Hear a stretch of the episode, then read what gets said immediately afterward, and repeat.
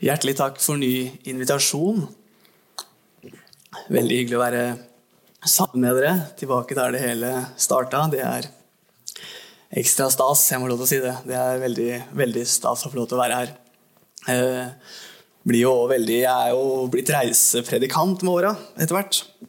Får betalt for å reise rundt og forkynne Guds ord, og det er, det er, eh, det er en stor velsignelse. Og da blir jeg alltid så oppmuntra av de, eh, de orda vil jeg minnet på nå, fra Hebrevbrevet 10.25, hvor det står at eh, ikke holder unna egen forsamling, som noen har for vane.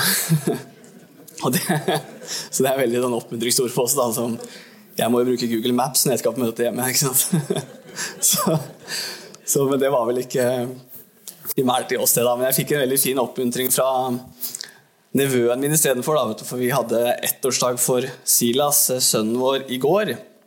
Og da var jo Frans der, sønnen til Kristina Roger, det er min nevø. For dere som ikke eh, visste den koblinga der. Og da hopper han opp på fanget mitt og sier han, 'Onkel Stig, det er så bra at du skal i familiekirken i morgen'. så sier jeg ja, så koselig, Frans. Jeg skal preke, vet du. Hva er preka? så, så jeg måtte forklare det, da. Men um, det var greit hvis jeg ble med og leka etter møtet. Så da, så da tok jeg turen. Så de er herlige, disse små her. De er, det var nydelige. Eh, jeg har fått et eh, tema i dag. Jeg slipper å finne tekst eh, selv. Og det er 1. Korinterbrev kapittel 4. Og så er overskriften 'Åndelige foreldre'. Så jeg har blitt utfordra i dag. Jobba godt med det. Det, det var spennende, spennende å, å, bla i det der. Og jeg kjenner at vi skal legge møtet i, i Guds hender. Og så skal jeg dele med dere det jeg har på hjertet i ettermiddag. Gode Gud og himmelske Far, takk for en ny anledning til å samles i ditt hus og samles om ditt ord og lære deg bedre å kjenne. Takk for det frelsesverket som du har tilveiebrakt for, eh, for meg og for alle andre som ønsker å ta det imot Jesus. Takk for at du var villig til å gå den tunge veien opp til Golgata kors for at veien til himmelen skal være åpen igjen. Takk for denne samlingen vi skal ha sammen nå. Du har vært med meg i forberedelsene. Du skal være med nå under selve møtet. Jeg ber om at vi får en rik stund sammen hvor du skal stå i sentrum, hvor ditt ord skal få lyse klart, og hvor vi skal få se mer av det som du har for oss, Jesus. Amen. Ja, åndelige foreldre det er jo et uttrykk som høres veldig stort og, og, flott ut, synes i hvert fall jeg.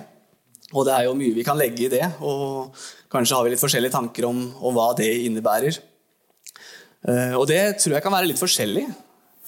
Eh, noen av oss er jo jordiske foreldre. Det òg inneholder litt forskjellige ting. Hva vil det si å være en forelder, liksom? Det er jo opplæring, er det ikke det? Lære bort. Det er eh, kanskje litt irettesettelse en gang iblant. Det er oppmuntring. Det er trygghet. Det er å være der når det trengs. Jeg tror det er mange sider med det. Vi som kristne vi kan være åndelige foreldre hver for oss. Det tror jeg vi gjør lurt i. Kanskje du har en som du har hatt med deg på ferden, som er i starten av reisen sin. Kanskje du har en foran som var med deg da du var i starten av din reise, som du tenker på. Jeg har et par navn som dukker opp der. Jeg har begynt å få noen etter meg også. Og det er også rart for en som aldri har hatt det før.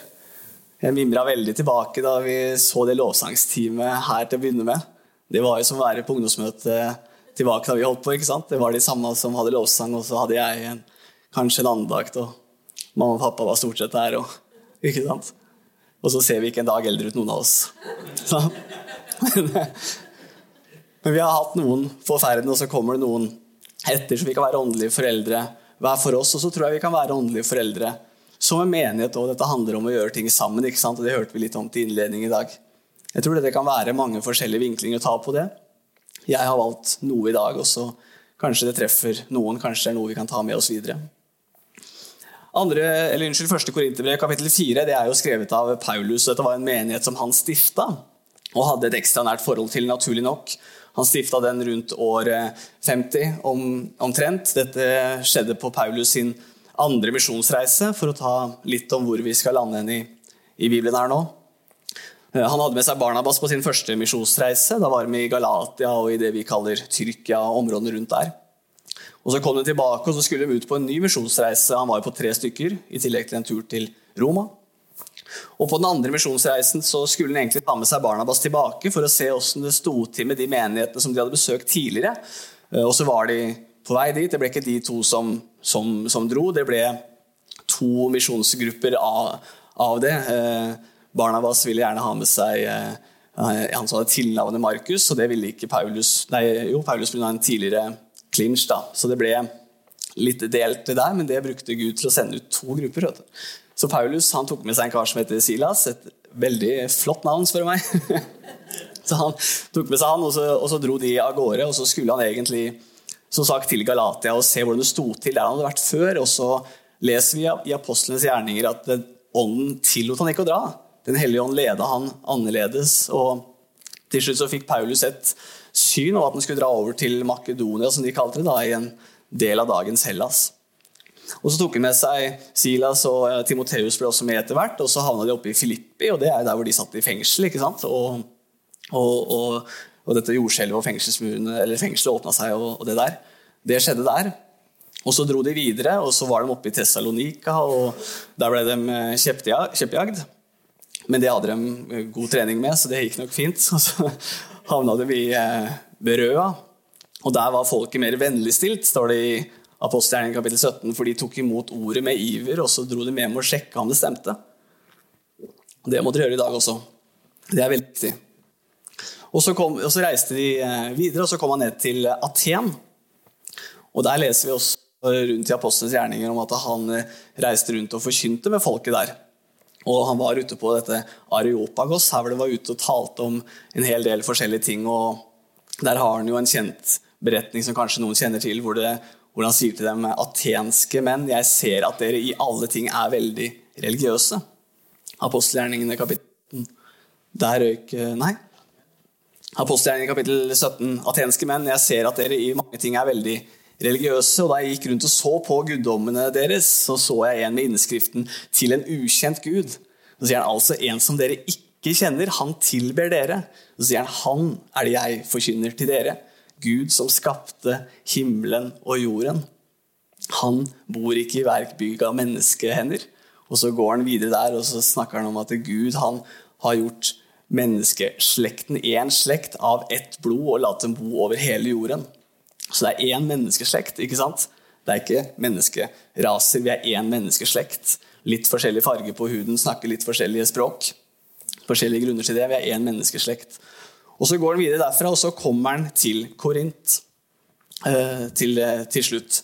Der vi skal inn her nå. Og Det var en veldig sentral by. Det var havn på, på begge sider, så det kom folk ut fra Europa og fra Asia. De samles der, så dette var en by som var veldig velstående. Det var mye penger der, det var mye folk. Mye som skjedde rundt her, og så var det eh, litt eh, ymse på det moralske planet. Så Paulus han dro inn hit sammen eh, med de som bodde der, og, og, han ble der i ett år og seks måneder, leser vi. Han ble der i halvannen måned og forkynte der, og han starta en menighet. Og den fikk lov til å vokse, og så stakk Paulus igjen, og så dro han ut på sin tredje misjonsreise, og da var han i Efesos i fire-fem-seks år etterpå. Og Da skrev han et brev til korinterne, som vi leser her. For da hadde det dukka opp litt forskjellige ting som Paulus ikke syntes noe om. Eh, med, med rette, da, for så vidt. Og her er det mye vi kunne ta tak i. En av de tingene som han stussa på, det var at det var splittelse i menigheten, med at noen holdt seg til én predikant, og noen andre holdt seg til han ene, og så ble det splittelse blant dem.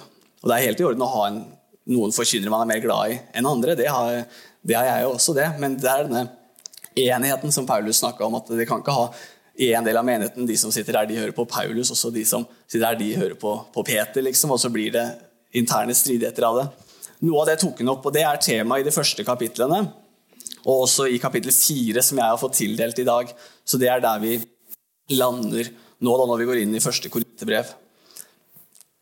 Kapittel fire, og der sier han slik skal hvert menneske se på oss, nemlig som Kristi tjenere. Og han sier 'se på oss', ikke se på meg. Han sier 'se på oss' som menighet. Se på oss. Det er fellesskapet. Det er de kristne som er samla.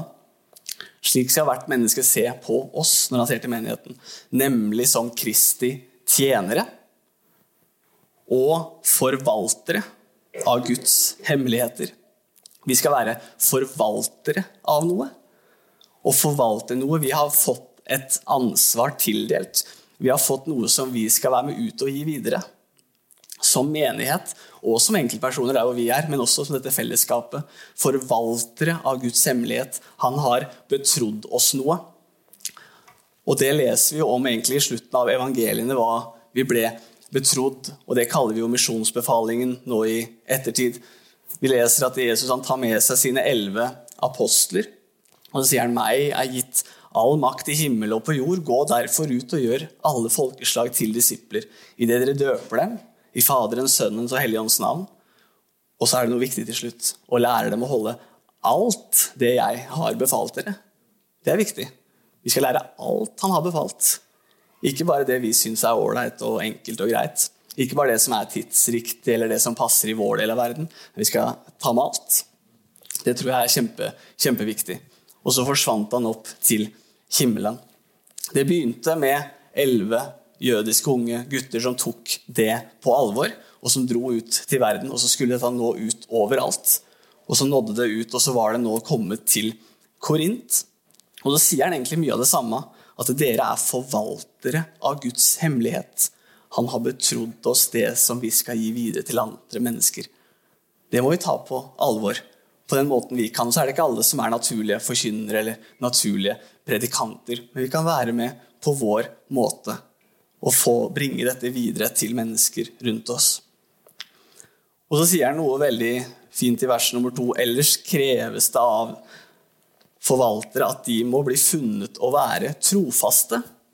Jeg tror det blir satt høyt i Guds øyne, det å være trofast til det som du har fått, det som du er med på. Er det ikke deilig med folk som er trofaste? Noen som alltid er der. Noen du vet at de kan jeg stole på. De stiller opp når det trengs. Dem har vi alltid, liksom. Det er utrolig behagelig. Og det tror jeg Gud setter høyt også. Vi skal være forvaltere av noe. Han har gitt oss dette ansvaret. Jeg har fått det ansvaret der jeg er. Vi som menighet har fått det ansvaret. Og så forvalter vi det med de gavene vi har fått. Og så er vi trofaste i det vi holder på med. Jeg syns det er veldig flott med mennesker som er trofaste som alltid er til stede. Vi trenger, vi, vi trenger de menneskene. Men for meg betyr det lite om jeg skulle bli dømt av dere eller av en menneskelig domstol. Heller ikke dømmer jeg meg selv. Med meg selv vet jeg jo ikke om noe, men dermed er jeg ikke rettferdiggjort. Den som dømmer meg, er Herren. Døm derfor ikke noe før tiden, før Herren kommer, Han som både skal føre mørkets skjulte ting frem i lyset, og åpenbare hjertenes råd. Da enkelte få sin ros av Gud. Dette taler jo Paulus om flere andre steder, også dette med rettferdiggjørelsen. Dette har blitt rettferdiggjort fremfor Gud. Og det kommer ikke an på hvor trofaste vi er, eller hva vi måtte holde på med, men det er det bare Jesu verk på Gålgata som kan føre til. Da er rettferdiggjort fremfor Gud. Det mest sentrale i vår forkynnelse som kristne og jeg kommer aldri ifra det. Det er ting vi kan på rams. Vi kan det utenat. Vi vet det så inderlig vel. Sikkert alle i salen er i hvert fall veldig mange. Du må ikke la det bli lite. At vi har blitt rettferdiggjort fremfor Gud. Tenk på det. At jeg kan stå foran himmelens og jordens skaper og være rettferdiggjort på grunn av det Jesus gjorde for meg. Det får vi et innblikk av på Bibelens første sider under syndefallet, som vi kaller det i dag. Da skillet mellom mennesker og Gud, mellom skapningen og skaperen, kom til syne. Og så har han steget ned, og så har han brakt til verket det som trengtes for å rette opp i det som gikk galt. Og så kan jeg stå og være rettferdig fremfor Gud på grunn av det. Det syns jeg er utrolig stort. Selv om vi kan det så vel, så tror jeg ikke det skal bli lite for oss. Vi må huske hva han har gjort for deg og meg. Og så kan det livet vi lever her, være en respons på det han har gjort. Vi ønsker å trekke flere mennesker inn i det. Vi har kanskje noen i vårt private sfære som vi kan være med å backe opp, enten som allerede er en del av den kristne tro, som trenger litt hjelp på veien. Kanskje du har en som du tenker på. Så tenker at Han kan jeg være med å backe. Han kan jeg være med å løfte frem. Eller kanskje vi har en som er helt i vannskorpa, som du kan være med å vitne for, eller gjøre det som er naturlig for deg. Det tror jeg er veldig viktig, og kanskje vi som menighet også kan gjøre det. Og det henger jo egentlig sammen, for hvis vi gjør det på privaten, så kommer de også inn i menigheten som vi er en del av. Vers nummer seks. Dette søsken har jeg for deres skyld overført på meg selv og på Apollos, slik at dere kan lære av oss og ikke tenke annerledes enn det som er skrevet, for at ingen av dere skal bli oppblåst til fordel for den ene fremfor den andre. Og dette var det jeg snakka om litt i stad, om at det var delt, litt delt i menigheten etter hvem de fulgte etter. Det var, ikke, det var ikke enhet der. Det får vi et innblikk av hvis vi blar tilbake til kapittel 1, bare for å hekte på det. Der sier han fra vers, vers nummer 11. For det er blitt meg fortalt om dere, mine søsken, av noen fra Kloes husfolk, at det er stridigheter blant dere. Og jeg sikter til, det jeg sikter til, er dette, at hver og en av dere sier 'jeg hører til Paulus', eller 'jeg hører til Apollos', eller 'jeg hører til Kefas', eller 'jeg hører til Kristus'. Er Kristus delt? Ble Paulus korsfestet for dere? Eller ble dere døpt i Paulus' navn? Jeg takker Gud for at jeg ikke har døpt noen av dere, bortsett fra Krispus og Gaius, så ikke noen skulle si at jeg har døpt i mitt eget navn. Jo, jeg døpte også Stefanus' husfolk, Ellers vet jeg ikke om at jeg har døpt noen av dere. For Kristus sendte ikke meg ut for å døpe, men for å forkynne evangeliet. Paulus han hadde fått sin oppgave, og han gjorde det med alt det han hadde å by på. Han hadde sitt, og han visste hva han ikke skulle gjøre. Og så visste han hva han skulle gjøre. Sånn er det i Guds menighet òg, er det ikke det? Eller burde i hvert fall være det. Vi har fått våre oppgaver, våre nådegaver, som vi skal se litt på etterpå. Og så gjør vi det som vi er gode på, for å kunne nå ut til de menneskene rundt oss. Og så holder vi oss kanskje unna det som vi ikke skal gjøre. Det er veldig bra at jeg står her nå og ikke i stad, f.eks. Når det var lovsang. Det er vi tjent med alle sammen. og så kan, det, kan det kanskje noen si at det er ikke tjent på at du står her nå heller, men det får vi ta en annen gang. Men, det er i hvert fall bedre, da. Så vi må vite hva vi skal, og hva vi ikke skal gjøre. Vi får et blikk av det også i, eh, i kapittel 3, hvor han sier noe av det samme. Og Vi kan ta det fra vers 1. Jeg, mine søsken, kunne ikke tale til dere som til åndelige, men bare som til kjødelige, som til småbarn i Kristus. Jeg ga dere melk og ikke fast føde, for dere var ennå ikke i stand til å ta imot den, og fremdeles er dere ikke i stand til det. Dere er jo fortsatt kjødelige. For når det er misunnelse, strid og splittelse mellom dere, er dere ikke da kjødelige og lever på menneskelig vis? For når én sier 'jeg hører til Paulus', og en annen 'jeg hører til Apollos', er dere ikke da kjødelige? Hvem er da Paulus, og hvem er Apollos? Er vi ikke tjenere som dere kom til tro ved? Og det ettersom Herren ga hver enkelt. Det som Herren ga hver enkelt. Det er lagt ned i oss fra Herren fordi han ønsker å fullføre sitt verk på denne jorden. Så bruker han mennesker, og så har jeg fått mine gaver, og så har du fått dine gaver. Og så har du noe, du også. Og så er det noen som kanskje synes godt, og så er det noen som får lov til å starte en menighet og kanskje får lov til å få mye blest rundt seg og være kall det stor i menneskers øyne. Og så er det kanskje noen som jobber litt mer i det skjulte. Men det er hva Gud har gitt oss, alle sammen som åndelige fedre og mødre, om du vil, som vi kan bruke på vår hjemmebane hver for oss, og som vi kan bruke i fellesskap for å nå ut til andre mennesker. Det er det viktigste. Dette her handler aldri om meg. Det handler aldri om bare deg. Det handler aldri om bare det store navnet du ser i avisa etter en konferanse av noe slag. Dem dukker opp, men det er ikke dem det handler om. Det ser vi også gjennom hele Det gamle testamentet. Ta israelsfolket som det står om i Det gamle testamentet. Ta f.eks. Moses, for å ta ett navn. Som alle kjenner til. En stor leder og som gjorde masse for Herren. Han fikk lov til å komme og se inn i løfteslandet, og så sier Gud at du skal ikke komme inn i det. Du har sett det, men du får ikke lov til å være med inn. Menneskelig sett så kan det være litt dårlig gjort. Nå har han vært med på alt det han har vært gjennom, og vi takker Moses sitt liv akkurat nå, men flere av dere kjenner det godt. Og så er han helt på oppløpssida. Så ser han inn i det som de har gått imot gjennom hele hans liv. Og så sier Gud 'hit, men ikke lenger'. Det handler om mer enn Moses. Det handler om mer enn disse store navnene. Det handler om Guds store plan. Og så fikk Moses gjøre sin jobb. Og så fikk de som kom etter Moses, gjøre sin del. Og så er det Gud som fullfører sitt verk gjennom historien. Og det puslespillet der, den historien der, den er du og jeg en del av. Med de oppgavene som vi har. Og så skal Gud fullføre det. Og det syns jeg er utrolig stort å være med på. Og så hører vi Paulus sier i starten av det vi leser her nå, at vær trofaste i ditt. Det du gjør, det har noe for seg. Jeg tror vi er tjent med å gjøre det som er våre styrker.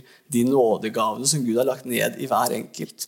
Og så gjør vi dette sammen. Og så blir vi et sted hvor mennesker kan komme og få møte Herren. Hvem er da Paulus, og hvem er Apollos? Er vi ikke tjenere som dere kom til tro ved? Og det ettersom Herren ga hver enkelt. Jeg planta, skriver Paulus. Han ville plante menighet. Og det gjorde han flere ganger. Han reiste rundt som den han var, og Paulus har blitt et kjent navn for oss og skrevet mye av Bibelen vår, og alle vet hvem han er. Men han skriver 'jeg planta', og så dro han videre. Han skulle på neste oppdrag. Apollos vanna. En som ble igjen, en som jobba i menigheten. Kanskje ikke han fikk oppleve det helt store. Jeg vet ikke, Kanskje han fikk oppleve det store. Jeg jobba i en menighet i Halden for noen år tilbake. Og da starta vi eh, De ville gjøre et løft for barne- og ungdomsarbeidet. Og så kom jeg første dag på jobb, og så var vi i kjelleren på, i ungdomsrommet der, og så var vi tre ungdommer. Og da tar jeg med meg. Fordi jeg syns det er litt ålreit. Og så er jeg der i, i, tre år, og så Når jeg har min siste dag på, på, jobb der, så sitter vi i den samme kjellerstua, og så er vi 35 ungdommer som har blitt en del av et ungdomsarbeid på par-tre år. Veldig fristende å slå seg på brystet på vei ut fra den jobben der. Og sette det på CV-en og si at hvis dere trenger ungdomsarbeider, så, så har jeg den, liksom. Og så er det veldig lite fristende å, å, å, skrive det at på samme tiden der så måtte vi legge ned søndagsskolen fordi det var ikke nok barn til å drive. Ikke sant? Veldig frist, lite frist å ta med den. Men en del av historien. Hadde ikke noe med meg å gjøre, men det var en tid som var moden for at det kunne bli vekst blant de som var 12-13-14 år. Flere av de menighetsbarn. Og så måtte de vente med det andre. Noen som får lov til å plante, noen som får lov til å vanne, og så er det Gud som gir veksten. Det er han som har kontroll på dette her. Men vi kan være villige, trofaste i våre oppgaver og bidra med det som vi kan. Og så drar Paulus det enda litt lenger enn det jeg gjør. da. Så plant, jeg plantet, Apollos vannet, men Gud ga vekst. Så er da den som planter, ingenting. Heller ikke den som vanner, men Gud som gir vekst. Den som planter og den som vanner, er ett og hver av dem skal få sin egen lønn etter sitt eget arbeid. For vi er Guds medarbeidere. Dere er Guds åker, dere er Guds bygning. Jeg synes det er stas å være Guds medarbeider. Tenk på det. Være med med det jeg kan bidra med i Guds store plan.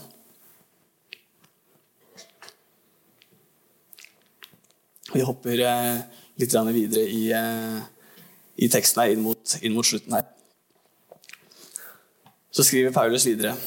Vi tar fra vers 14. Eh, jeg skriver ikke dette for å gjøre skam på dere, men som mine elskede barn formaner jeg dere. For selv om dere måtte ha 10 000 veiledere i Kristus, har dere likevel ikke mange fedre. For i Kristus Jesus er det jeg som har født dere til evangeliet, så han viste til at han hadde planta menighet, og han hadde jo et ekstra hjerte for dem, og noe annet ville jo vært veldig rart. Men uh, Unnskyld, nå mista jeg en litt sånn her. Men Paulus hadde født dem til evangeliet. Han hadde hjerte for menigheten, som jeg sa, og det kommer han litt tilbake på. Og jeg hadde lyst til å ta med et vers som jeg hadde glemt her. og det beklager. Det har vært en uh, lang Det er noe annet å være ute på tur etter å ha fått barn. Altså Slippe å sove om natta. Altså. Jeg setter veldig pris på å sove om natta. Husker dere den tiden? Hadde dere sovet på natta? Det synes jeg var det, det hjalp veldig for meg, altså. Men, men det er kanskje bare, kanskje bare, meg. Jeg hadde lyst til å ta med noe om dette med, forvalt, med forvalterskapet før, før, jeg går inn for landing, og jeg beklager at det ble hoppa over i stad. Det var min, min lille glipp jeg hadde notert meg her, med det her. Vi leste om dette med å være forvaltere på hver vår måte, og jeg hadde lyst til å ta med noen vers fra Kolossebrevet hvor han tar med noe av det samme. Og Der tar vi fra Kolossebrevet kapittel 1 vers 24. Som en slik gleder jeg meg nå i mine lidelser for dere og oppfyller ved meg selv det som mangler i Kristi trengsler for hans kropps skyld, som er menigheten. Det er det vi er en del av. For den, skriver han, altså menigheten, ble jeg en tjener etter den Guds forvaltning som ble gitt meg for dere, å oppfylle Guds ord. Hva lå det i å oppfylle Guds ord? Paulus han skulle ut til hedningene, og så skulle Peter til jødefolket, som vi leser om i Galaterbrevet. Han skulle oppfylle Guds ord. Mysteriet som i tidligere tider og for tidligere slekter har vært skjult, men som nå er blitt åpenbart for Hans hellige. For dem ville Gud gjøre kjent hvilken rikdom av herlighet det er i dette mysteriet blant hedningene. Det er og så er det nesten slagordet til de frie venner opp igjennom. Kristus i oss, håpet om herlighet. Jeg tror det er noe av nøkkelen her. Kristus i oss, dette gudslivet som du og jeg lever i hverdagen, det setter jeg enormt pris på. Det håper jeg du setter enormt pris på. Det er det som er kilden vår. Kristus i oss, som er håpet om herlighet for menneskene ute. Jeg tror det er nøkkelen. Vi kan ikke bare komme inn i menigheten fra klokka 11 til 1, og så har vi det her, og så prøver vi å gjøre noe ut av det. Det må ligge noe i oss som ønsker å nå ut til menneskene rundt oss. Det er et gudsliv som må velle ut av oss på mandag og tirsdag og resten av uka. Vi må ha det med oss hele veien. Kristus i oss. Håp om herlighet. Han forkynner vi, og vi formaner hvert menneske og lærer hvert menneske i all visdom for at vi kan fremstille hvert menneske fullkomment i Kristus Jesus. Tenk å kunne fremstille et menneske fullkomment i Kristus Jesus. Det er stort. Det er hans sitt verk. Og så tror jeg vi må gjøre noe av jobben for å vokse på denne veien. Rettferdiggjørelsen den kommer fra Gud, som vi var innom i stad. Det er hans sitt verk. At du blir født inn i Guds familie, det er 100% Guds sitt verk for at du skal få en god relasjon med han, for at du skal vokse i dette livet, så krever det av deg litt bibellesning, kanskje litt bønn, kanskje å bruke litt tid. Det merka jeg godt under eh, pandemitiden som vi var igjennom. Når menighetene ble stengt, så mista dette fellesskapet. Og så har vi heldigvis en tid hvor vi kan oppbygge oss selv med video og den type ting hjemmefra. Så jeg satt hjemme og kunne være oppbygd og få det på personlig plan. og Det var egentlig ikke noe problem, for det gjør jeg rett som det er ellers også. Men du mista det fellesskapet som vi heldigvis har tilbake nå. Så Kristus i meg alene, det er viktig. Og med de jeg har på min ferd, både foran og bak, kall det åndelig far. Jeg syns det er et stort ord, men vi kan bruke det. Og så kan vi komme sammen, og så kan vi gjøre det som menighet også.